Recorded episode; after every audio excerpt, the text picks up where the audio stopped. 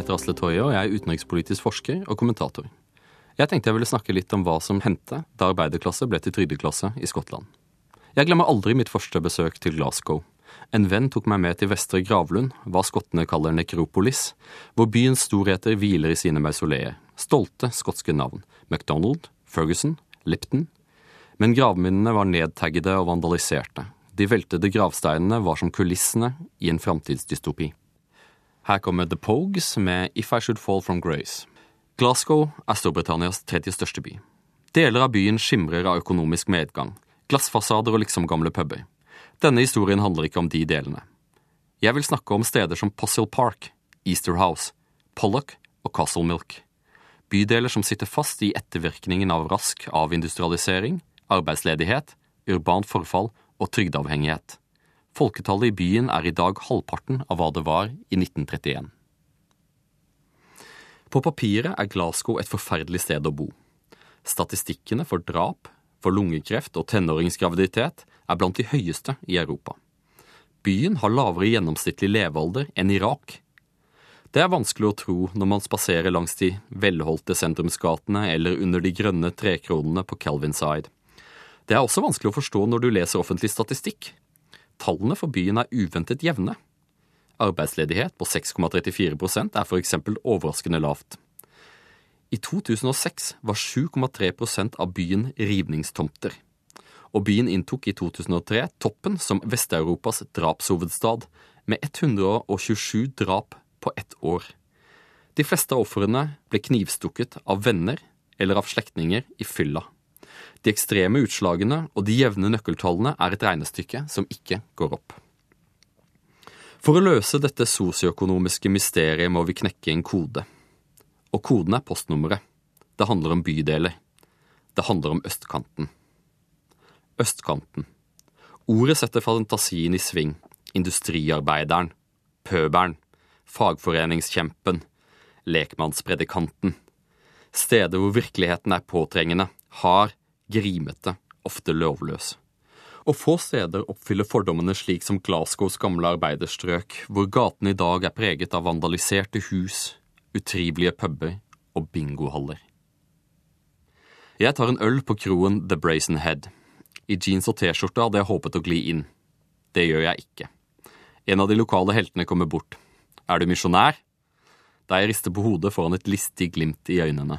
Men du er religiøs? Et lurespørsmål i en bydel kjent for sekterisk vold. Før ølen er omme, har jeg både blitt tilbudt heroin og å få hodesparket inn. Her kommer The Waterboys med Bang on the Ear. Da jeg besøkte Glasgow, var Storbritannia inne i gullalderen forut for den krisen vi nå er inne i. Jeg spurte meg hvorfor hadde ikke velstanden nådd fram til Glasgows østkant? Problemet som en gang kom av mangelen på arbeid, synes i dag å være mer et spørsmål om manglende vilje og evne til å arbeide. Mange kommer ganske enkelt aldri ut i arbeidslivet. Antallet uføretrygdede i Glasgow under 25 års alder har økt med en tredjedel på bare sju år. Trygd frister mer enn lavtlønnsarbeid. Listige politikere har gjort sitt beste for å gjemme de arbeidsledige i et utall kategorier som hver for seg er små, men som betyr at over 60% i arbeidsfør alder er uten arbeid i visse bydeler. Det var ikke alltid slik. For 100 år siden kalte man Glasgow den andre byen i det britiske imperiet, hovedhavn for tobakk og bomull. Da propelldrift gjorde det mulig for båter å seile opp den krokete elva Clyde, sugde byen til seg mye av næringsvirksomheten i hele Vest-Skottland. Glasgow ble synonym med tungindustri. På det meste lå det over 40 skipsverft langs Clydeside. Storstilt innvandring fra Irland ga byen sin distinkte blandingskultur, legemliggjort i fotballklubbene Rangers og Celtic. Den gang var Glasgow et forbilde. Byens parker, museer, offentlige bygg og transportsystem var verdensledende. Så kom nedgangen. Slaget som rammet byen gjennom den store depresjonen på 30-tallet, kunne ikke engang stagges av produksjonsboomen som kom med annen verdenskrig. Da soldatene kom hjem, gikk byen inn i en lang, uavbrutt nedgang. Her kommer Bruce Springsteen med Badlands. Det som har skjedd, har mange forklaringer. En av dem er at mange av de permitterte arbeiderne ble satt på trygd, som over årenes løp ble stadig mer permanent. arbeiderklasse, ble til trygdeklasse. Mens middelklassen i verden utenfor smeltet sammen med arbeiderklassen og overklassen, er Glasgow fortsatt en klassedelt by. Enkelte bydeler i Glasgow er mye bedre enn hva statistikken tilsier, andre er verre. Skottland har tradisjonelt vært en sosialdemokratisk bastion og en pioner i å trygde hele befolkningsgrupper. Man så ganske enkelt ikke farene ved å skape en selvrekrutterende trygdeklasse. De tenkte ikke på den sosiale oppløsningen som oppstår når folk fratas den selvrespekten som følger av å tjene til sitt eget opphold.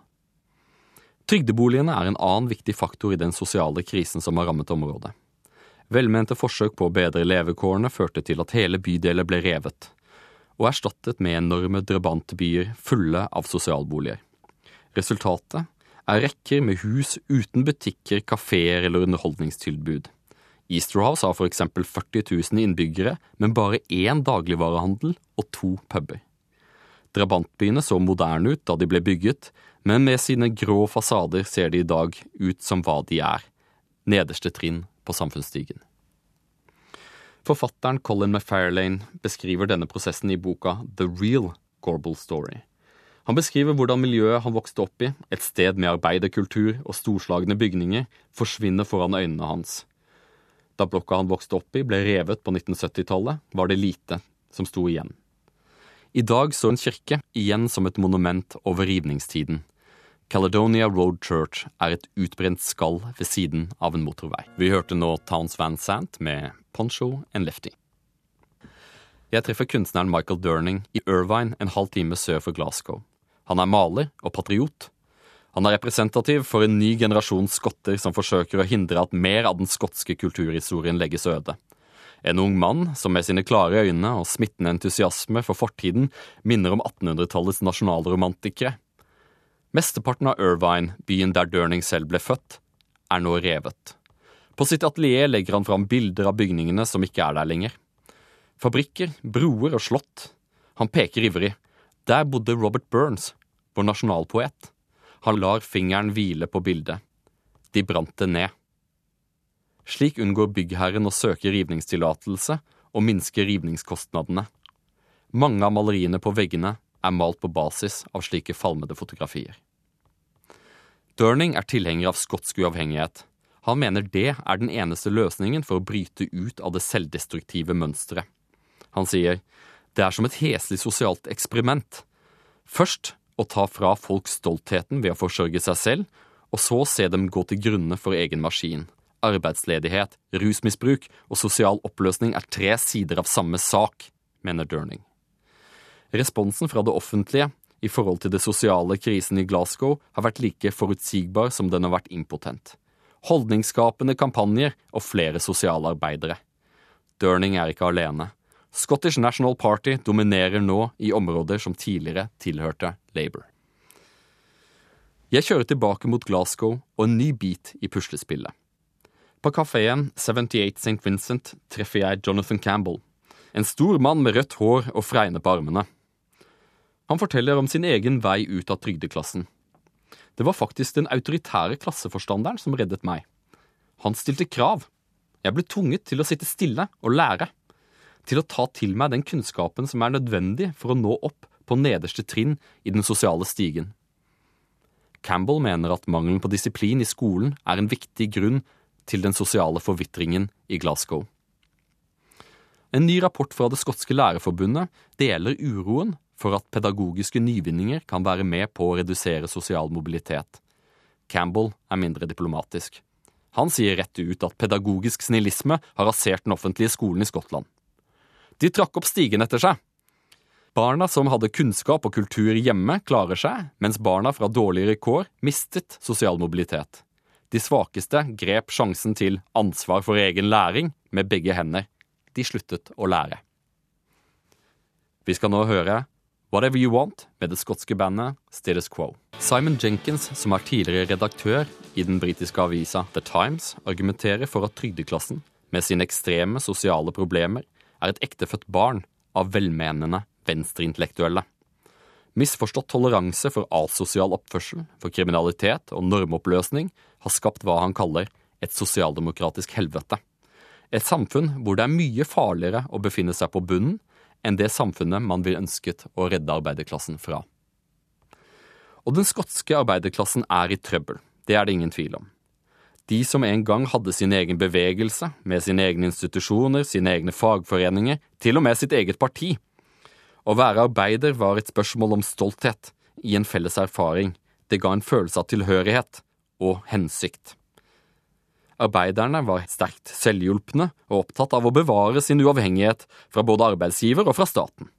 Overklassen og middelklassen hadde sin særegne kultur, verdier, atferd og fritidsaktiviteter, men det hadde også arbeiderklassen. Med dannelsen av Arbeiderpartiet Labour og utvidelsen av stemmeretten ble arbeiderkulturen en hjørnesten i den britiske samfunnsstrukturen.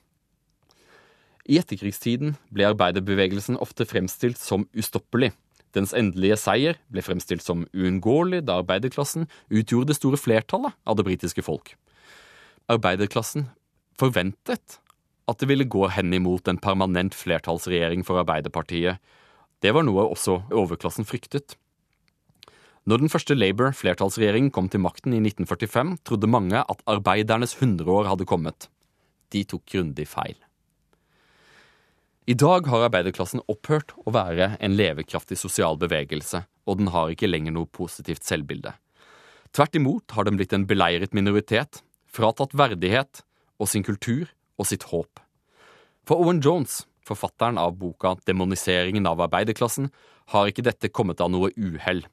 Det er tvert imot et resultat av tre tiår med politiske angrep ledet an av Margaret Thatcher og konsolidert under Tony Blair. Hva som er igjen av arbeiderklassen, har blitt marginaliserte og selvdestruktive. Det kan altså virke som at bestemoren min fra Karmøy hadde rett. Ledegang er virkelig roten til alt ondt. Jones mener at den viktigste årsaken til denne demoniseringen av arbeiderklassen er ødeleggelsen av arbeiderklassens samfunn. Denne ble gjort mulig av tungindustrien, som brakte liv til de institusjonene som arbeiderne skapte for seg selv, fagforeningene og samvirkene, til fotballklubbene og Folkets hus og puber og arbeiderklubbene.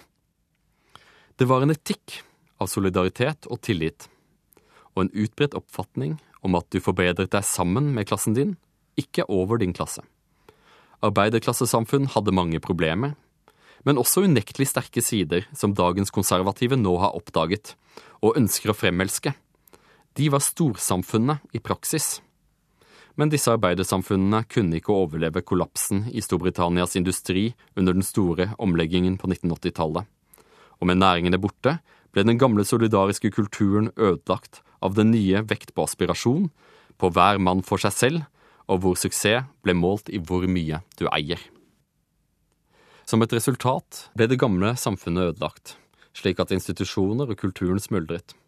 Arbeiderpartiet, Labour, som har dominert i Skottland, fant ikke noe annet motsvar enn å erstatte industriarbeidsplassene med trygd. Jones hevder at det nye Arbeiderpartiet ikke forsøker å representere sine kjernevelgere lenger.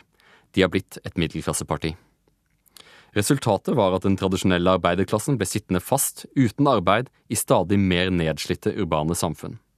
Arbeiderpartiets budskap var at de burde forsøke å unnslippe. Partiet ville skape en større middelklasse, ikke en mer velstående arbeiderklasse. Jones hevder at slike som Tony Blair bare brydde seg om den aspirerende arbeiderklassen, den ikke-ambisiøse arbeiderklassen ble sett på som et problem. I 2010 konkluderte det britiske likhetsutvalget, National Equality Panel, at Storbritannia etter tolv år med sosialdemokratisk flertallsregjering opplevde høy og økende ulikhet. De er ikke alene.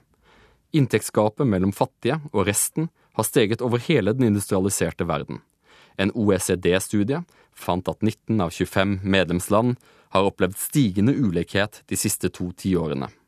De konkluderte at en stor del av befolkningen står utenfor arbeidsmarkedet eller er fanget i lavtlønnede lavkompetansejobber. Graden av forakt som rammer trygdeklassen fra de med arbeid og penger, er oppsiktsvekkende. Det er en rettferdig harme, basert på påstander om at vi er de vi velger å være. Som en overskrift i Daily Mail uttrykte det, feit eller mislykket, det er trolig din egen feil sier Cameron. Vi har nå hørt All Right Now med Free. John Cornicam i Glasgow-politiet forklarer at mange av disse barna i de fattige bydelene mangler elementær oppdragelse. Og grunnen? Barn av tenåringer blir ofte selv gravide i tenårene. Det er også en måte å flytte hjemmefra på. Da får de nemlig gratis leilighet på sosialen. Og det sier seg selv at den overførte oppdragelsen vil bli minimal. Cornacam gir dette skylden for den mest beryktede av alle skotske erketyper, Nedden. På folkemunne kommer ordet Ned fra non-educated delinquent, en ikke-utdannet lovbryter. På sett og vis er neddene Glasgows fremste ambassadører. Ingen som besøker byen kan unngå å støte på en ned, som ifølge ordboka er en arbeidsledig hvit person fra arbeiderklassen som kler seg i joggedress. Neddene er kjent for asosial oppførsel. Unge helt ned i tiårsalderen er med i gjenger som Billy Boys og Tory Glenn Toy. De står for en betydelig del av volden som gjør Glasgow til en av Europas farligste byer. Blant neddenes varemerker er klesmerket Burberry, koffeinlikøren Buckfast og blind vold. Det mest oppsiktsvekkende med drapsstatistikken som jeg nevnte innledningsvis, er, etter at du har fordøyd selve tallet, gjerningsmennenes alder. Hvor unge de er. Av 71 domfellelser fra 2002 var åtte av drapsmennene under 16. Halvparten var i alderen 16 til 20. Psykiateren Dawn Renfrew tar meg med til tørrdokkene i bydelen Gowan for å hilse på Nedder. Vi klatrer gjennom et rustent gjerde og vasser gjennom buskas. Mange av barna fra disse bydelene utvikler rusrelaterte mentale lidelser før de er ute av puberteten. Vi ser en gjeng på avstand utenfor et nedbrent hus, men 12-14-åringene virker så aggressive at vi velger å unngå dem. Vi spaserer i stedet til markedet Barris. Det er sensommer, og Barris er som en sydlandsk basar. Det kjeftes og kjøpslås. Smågutter i grønne og hvite Celtic-trøyer står på hjørnene og roper når politiet er på vei. Da ruller enkelte av bodene sammen sortimentet. Barris er kjent for tjuvgods. Du hørte nå Every Day Is Like Sunday med The Smiths. Jeg avtaler å treffe legen Ronan Mullen foran sentralsykehuset i Glasgow. Det er en bløtkake i viktoriansk stil. Her kommer hver kveld ofrene inn. Over 100 mord i året. Han var selv på frontlinjen av voldsepidemien da han i 1997 begynte å arbeide ved hospitalet som nyutdannet lege. Han forteller det var som å komme til en krigssone knivskader, skuddskader, balltreskader. Vi skled bokstavelig talt i blod i gangene. Og mye av volden er rusrelatert. Av 100 mord er typisk 45 knyttet til fyll, 10 til narkotika og 15 til begge deler. Og Glasgow er beryktet for knivvold. En typisk helg er det ti knivstikkinger per kveld. Macheter og tverd er også populære. Jeg tror at Glasgow trolig ser flere knivskader enn noe annet sted i Europa, sier Mullen. Det ble nylig skrevet en avhandling om behandlingen av sverdskader ved sentralsykehuset i Glasgow, den første siden napoleonskrigene. Mens jeg rusler ut av Glasgows østkant, kan jeg ikke fri meg fra følelsen av at det ligger en viktig lærdom her. Hvorfor er Glasgow Europas drapshovedstad? Verdens dyreste fattigdom har oppstått i skjæringspunktet mellom sosialdemokrati og modernisme. Politikere, samfunnsarkitekter, helsevesen og utdanningssystem må alle ta sin del av skylda. Mangelen på dannelse og på utdannelse skaper en permanent arbeidsledighet som fører til sosial oppløsning, som igjen fører til vold. Kanskje er dette en advarsel også til Norge?